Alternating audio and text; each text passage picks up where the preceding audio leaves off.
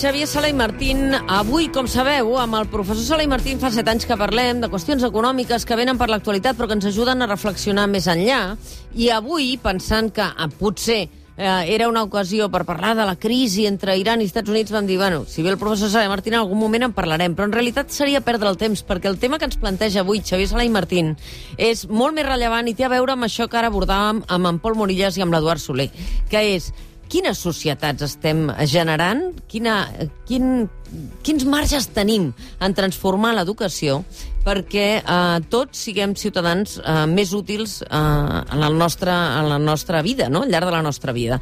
I és una reflexió que el professor Xavier Sala i Martín fa temps que té ganes de compartir amb nosaltres, que ho ha anat fent, perquè n'hem parlat d'educació, però que avui eh, ho farem i especialment satisfets perquè tenim joves que ens acompanyen avui a l'estudi. Xavier Sala i Martín, molt bon dia. Molt bon dia. Perquè l'altre dia parlaves, eh, posaves dos exemples i a partir d'aquí ens va sorgir l'oportunitat de fer-ho. Parlaves de la confiança i parlaves de, de com es mesuren els resultats i que alguns països eh, tenen uns sistemes educatius que imprimeixen tanta pressió sobre els seus estudiants que acaben frustrant eh, fins i tot la manera com tenim d'aprendre, no? Sí. I, per tant, hi ha molt tela per tallar, molta, tela, molta teca aquí darrere. Sí. Um, a veure, em permets... Per, ja, sé, ja sé que no, no, diguem, el que diré no t'agradarà i, i, i demano perdó per, per improvisar això, però m'agradaria condemnar el CAC eh, perquè, diguem, eh, no crec que la, la ràdio pública eh, hagi de ser manipulada pels polítics i quan els polítics es dediquen a censurar periodistes que fan editorials lliurement, el que estan fent és eh, violant la llibertat d'expressió. Eh, les, les, els, els mitjans de comunicació públic tenen sentit per evitar per evitar que, diguem, eh, senyors rics o comtes o gent important pugui manipular la informació de la població, no perquè aquests rics hagin de ser substituïts per polítics eh, que manipulin igualment la, la, la, la informació. I, per tant, m'agradaria, ja sé que això no t'agrada que ho digui, però, però no puc estar-me'n perquè trobo, trobo una falta de respecte pels ciutadans que els polítics ens hagin de dir quina informació hem de rebre i quina no, violant, repeteixo, la llibertat d'expressió. Dit Eh, això... Dit això, eh, Xavier Sala i Martí, per la gent que, que potser no té el context, està referint a una decisió eh, que va fer pública la, el CAC, el Consell de l'Audiovisual de Catalunya, molt crítica amb una portada que, que jo vaig fer el dia 24 de setembre del 2019 eh, en relació a l'operació, la portada als matins, que ja sabeu que, que expliquem la manera com nosaltres veiem la realitat, no? Uh, I, per tant, deien que, que havíem donat opinió, com d'altra banda han fet uh, totes les persones que s'han posat davant d'aquest micròfon al llarg de la història del matí de Catalunya Ràdio, l'Antoni Bassas, el Josep Cuní... O, I com han de fer les editorials. Qui Les editorials són l'opinió. Sí. I sí, clar, si censurem les editorials estem, eh, diguem, estem impedint que periodistes puguin donar la seva opinió, cosa que em sembla escandalosa. També em sembla escandalós altres coses, com que es prohibeixin determinades paraules, determinades expressions en moments electorals. O sigui, si estem parlant de la desjudicialització, desjudicialització de la política, crec que també hauríem de començar a parlar de, de la despolitització de la informació. Uh, I els mateixos que s'omplen de boca de que la política, que els jutges no han de decidir uh, pels polítics, uh, haurien de defensar que els polítics no haurien de decidir pels periodistes. Dit això, Dit que això. efectivament, eh, com, com bé sap Xavier Sala i Martín, eh, a mi no m'ha agradat mai que es parli a, a, través de l'antena coses que m'afecten i no sabia que voldries fer això i per tant... Eh, Això no t'ho he dit, per perquè això no ho sabia has que dit. no, no em deixaries. La traïció. Vinga, anem a, anem a la qüestió, perquè és molt interessant, eh, i, i t'ho agraeixo, eh? Uh, anem, anem a la qüestió perquè uh, hi ha moltes persones que pensen que l'educació és competir entre nosaltres, tenir el màxim de títols, encara els nostres jutges arriben a les posicions de poder d'una manera memorística, explícitament memorística i de cap altra manera, uh, l'estem cagant, literalment. Molt. Molt. A veure, aquí eh, eh, sovint he parlat de que sovint hem parlat de que eh, les matemàtiques són molt importants, la comprensió lectora és molt important, la ciència i la solució de problemes són molt importants, i no ho discuteixo, diguem, no, no, cap, cap... D'altres vegades hem parlat de la importància de la creativitat, de l'esperit crític, de saber distingir fake news de, de news de veritat, eh, de l'empatia i de les relacions humanes que no s'ensenyen al col·legi però que s'haurien d'ensenyar, de, la, de la flexibilitat que davant de tot, de, tipus, de, de tot tipus de canvis tecnològics que poden aparèixer, però avui m'agradaria parlar d'una cosa que vam acabar, de, del que vam mencionar al final de l'última de l'última eh, L'últim informe, l'últim sí. informe, que és eh, la, la importància de la perseverància, de la constància, de la paciència, eh, que són eines que ens ajuden a anar per la vida, però que no les ensenyem, que són, diguem, si les tens, les tens, i si no les tens, t'aguantes i, i, i, i, i tens un problema, no? Eh, em sembla a mi que tothom hauria d'estar d'acord que el component principal de l'educació d'una persona, el principal, és l'esforç de la persona, l'esforç mm. de l'estudiant. Uh, si l'estudiant no posa esforç, ja pots tenir bons mestres, ja pots tenir bones escoles, ja pots tenir ordinadors, ja pots tenir el millor Ja sistema... pots tenir premis Nobels donant classes. Ja pots fer tot el que vulguis. Si el nen o la nena no paren atenció, no s'esforcen, no aniran enlloc. I això no només ho sabem a les escoles, ho sabem als esports, ho sabem a l'art. Qui són els nens i les nenes que acaben sent grans pianistes, grans jugadors d'escacs, grans futbolistes... No són només els que tenen no talent. Són, no, són, no són els que tenen talent. La gent que té molt talent i no s'esforça no va enlloc. No va enlloc en l'educació, no va enlloc en, el, en el, el, els esports, no va enlloc a les arts, no va enlloc enlloc. Um, I aleshores, el que, eh, diguem, fins ara, diguem, el, el, el nen i la nena que tenen capacitat o voluntat d'esforçar-se, doncs la tenien, i els que no, s'aguanten. No, però no, no hi ha un esforç ni de les famílies, ni de les escoles, ni dels governs per promoure això. Eh? Uh, diguem, uh, jo, jo, jo diguem, uh, sóc un producte exitós, diríem, del sistema educatiu, no? Jo vaig acabar la carrera, vaig fer màster, vaig fer doctorat, uh, diríem... El, Professor. Vaig acabar, diguem, Sí, sí. va, va, vaig, vaig tenir èxit, no? Però jo, a vegades em pregunto, miro enrere, i eh, tots els meus companys que quan fèiem l'educació general bàsica estàvem junts, uns vam acabar eh, anant en aquesta direcció, altres van anar en altres direccions, i jo em pregunto, i per què? Què és el que ha fet que jo tingui un gran èxit acadèmic i altres companys meus no? Al final és que en alguns moments de la vida, eh, jo recordo, eh, jo, jo quan vaig estudiar, eh, al final del batxillerat i la carrera, els meus pares eren mestres d'escola, no tenien ni un duro. I, per tant, diguem, si jo volia anar amb els meus amics a prendre copes el dissabte, havia de treballar. Jo vaig fer tota la carrera fent de repartidor al Foix de Sarrià, una pastisseria. Eh? Jo anava, repartia pastissos entre la gent rica eh, i, i, i amb els calés que guanyava doncs em podia comprar un gin tònic com, diguem, amb els meus amics, no? Eh, I llavors jo pregunto, i per què ho vaig fer això? Per què no ho vaig... Hi ha, hi ha molts altres amics meus que van decidir, escolta'm, a mi el que m'interessa és les farres, el que m'interessa és eh, doncs, tenir nòvies i tenir moto i tal i igual, i van deixar d'estudiar, es van posar a treballar i van tenir tot això. Uh, què és el que em va portar a mi a decidir esforçar-me uh, i per, per poder acabar els estudis? Doncs la veritat és que no ho sé. És l'atzar de la vida. Un Ah. atzar de la vida. I aquest és el problema. Clar, que no, ha de, no hauria de ser l'atzar. Exactament. No el hauria sistema de ser hauria de garantir Exacte. que l'esforç fos un valor encara que les capacitats puguin ser variables. Exacte. Hauríem de fer l'esforç com una assignatura. No hi ha assignatura d'esforç. No hi ha assignatura de constància. No t'ensenya, no et donen les eines. Eh, ni a l'escola, ni a la I família. més aviat el sistema, Xavier, prima la cultura de l'espavilat. El que es belluga Exacte. bé, el que té contactes, el que truca portes, el que se sap situar a prop del poder, aquest és el que té mm, una mm, posició de privilegi i el que se'n surt. Sí.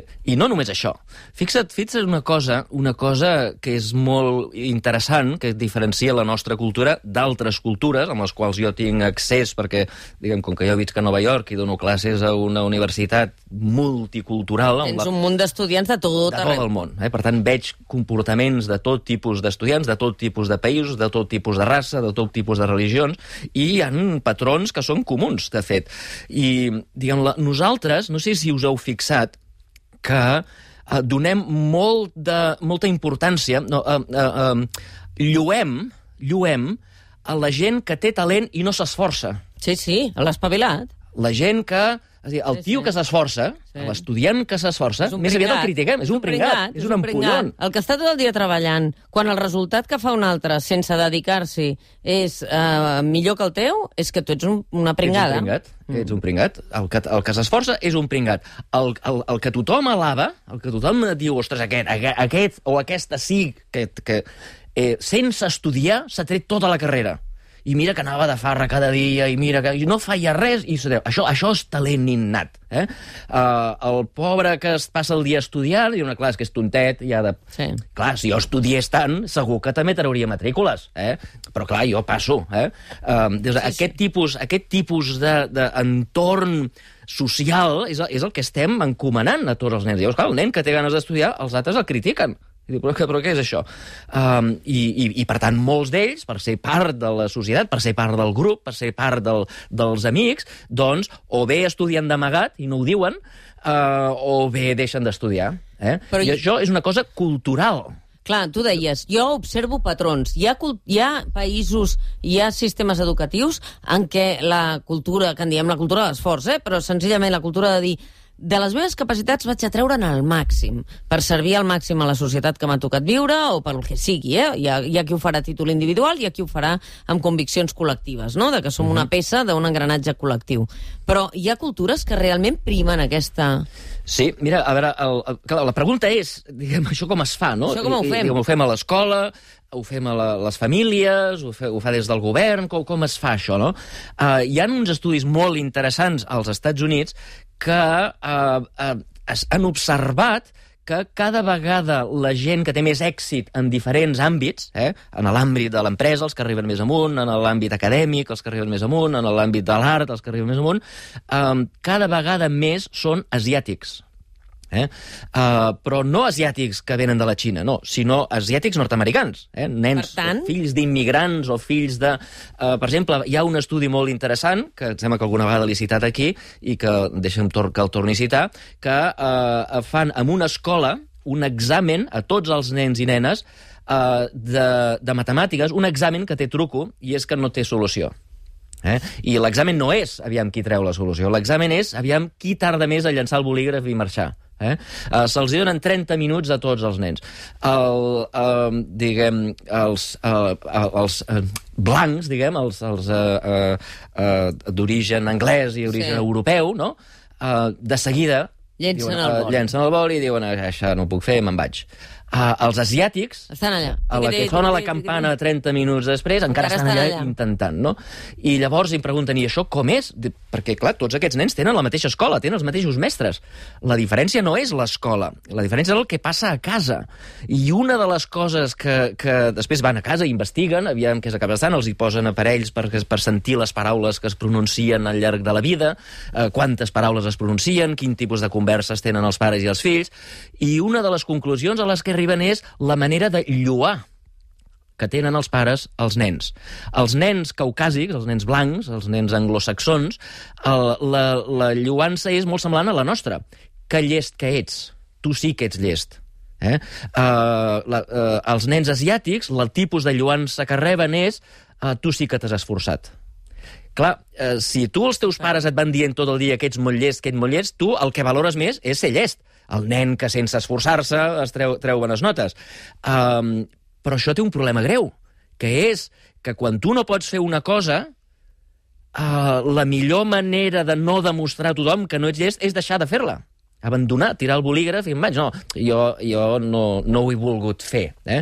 Uh, mentre que si et lloen la, de tota la vida, diguem, el, el valor que t'inculquen és l'esforç, l'esforç, l'esforç, uh, doncs el que tu acabes aconseguint és que el nen, encara que el problema no es pugui, es pugui solucionar, doncs acabin, acabin persistint.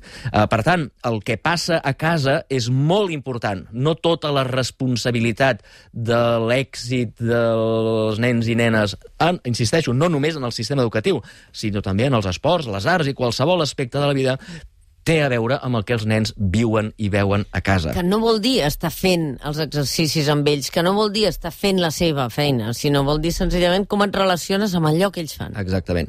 Uh, també, altre, això no vol dir que sigui l'única cosa, eh? Altres coses que sabem que porten els estudiants i els uh, nens esportistes uh, uh, i, i artistes a esforçar-se és fer una cosa que t'agrada Eh? Aquesta és l'altra. Sí, perquè en sovint, també, en els nens els hi donem un consell que jo crec que és equivocat.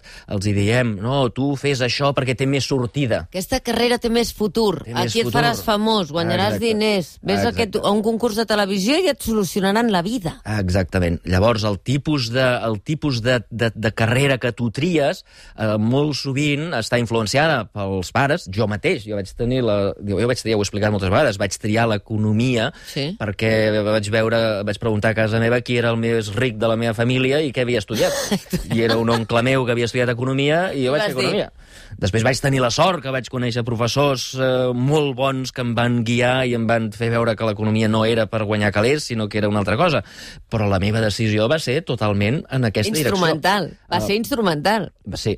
Però, diguem, la clau és fer coses que t'agraden. Si tu no fas una cosa que t'agrada, tu no pots passar-te moltes hores fent allò. Tots hem vist, quan estudiem història i no ens agrada la història, doncs, escolta'm, fem mil coses abans de sentar-nos, que si ara tenim pipi, que si ara mirem el WhatsApp, que si ara anem a la nevera, ara tornem a tenir pipi, ara tornem... I fins que no t'hi poses... Eh, per què? Perquè no t'agrada. Si una cosa t'agrada, eh, eh, si t'hi poses. El Messi no sap que està treballant. El Messi es pensa que està jugant. Uh, per què? Perquè fa una cosa que l'agrada. I clar, si una cosa t'agrada, t'hi tires hores i hores i hores, i si tu tires hores i hores fer una cosa, seràs bo sigui el que sigui.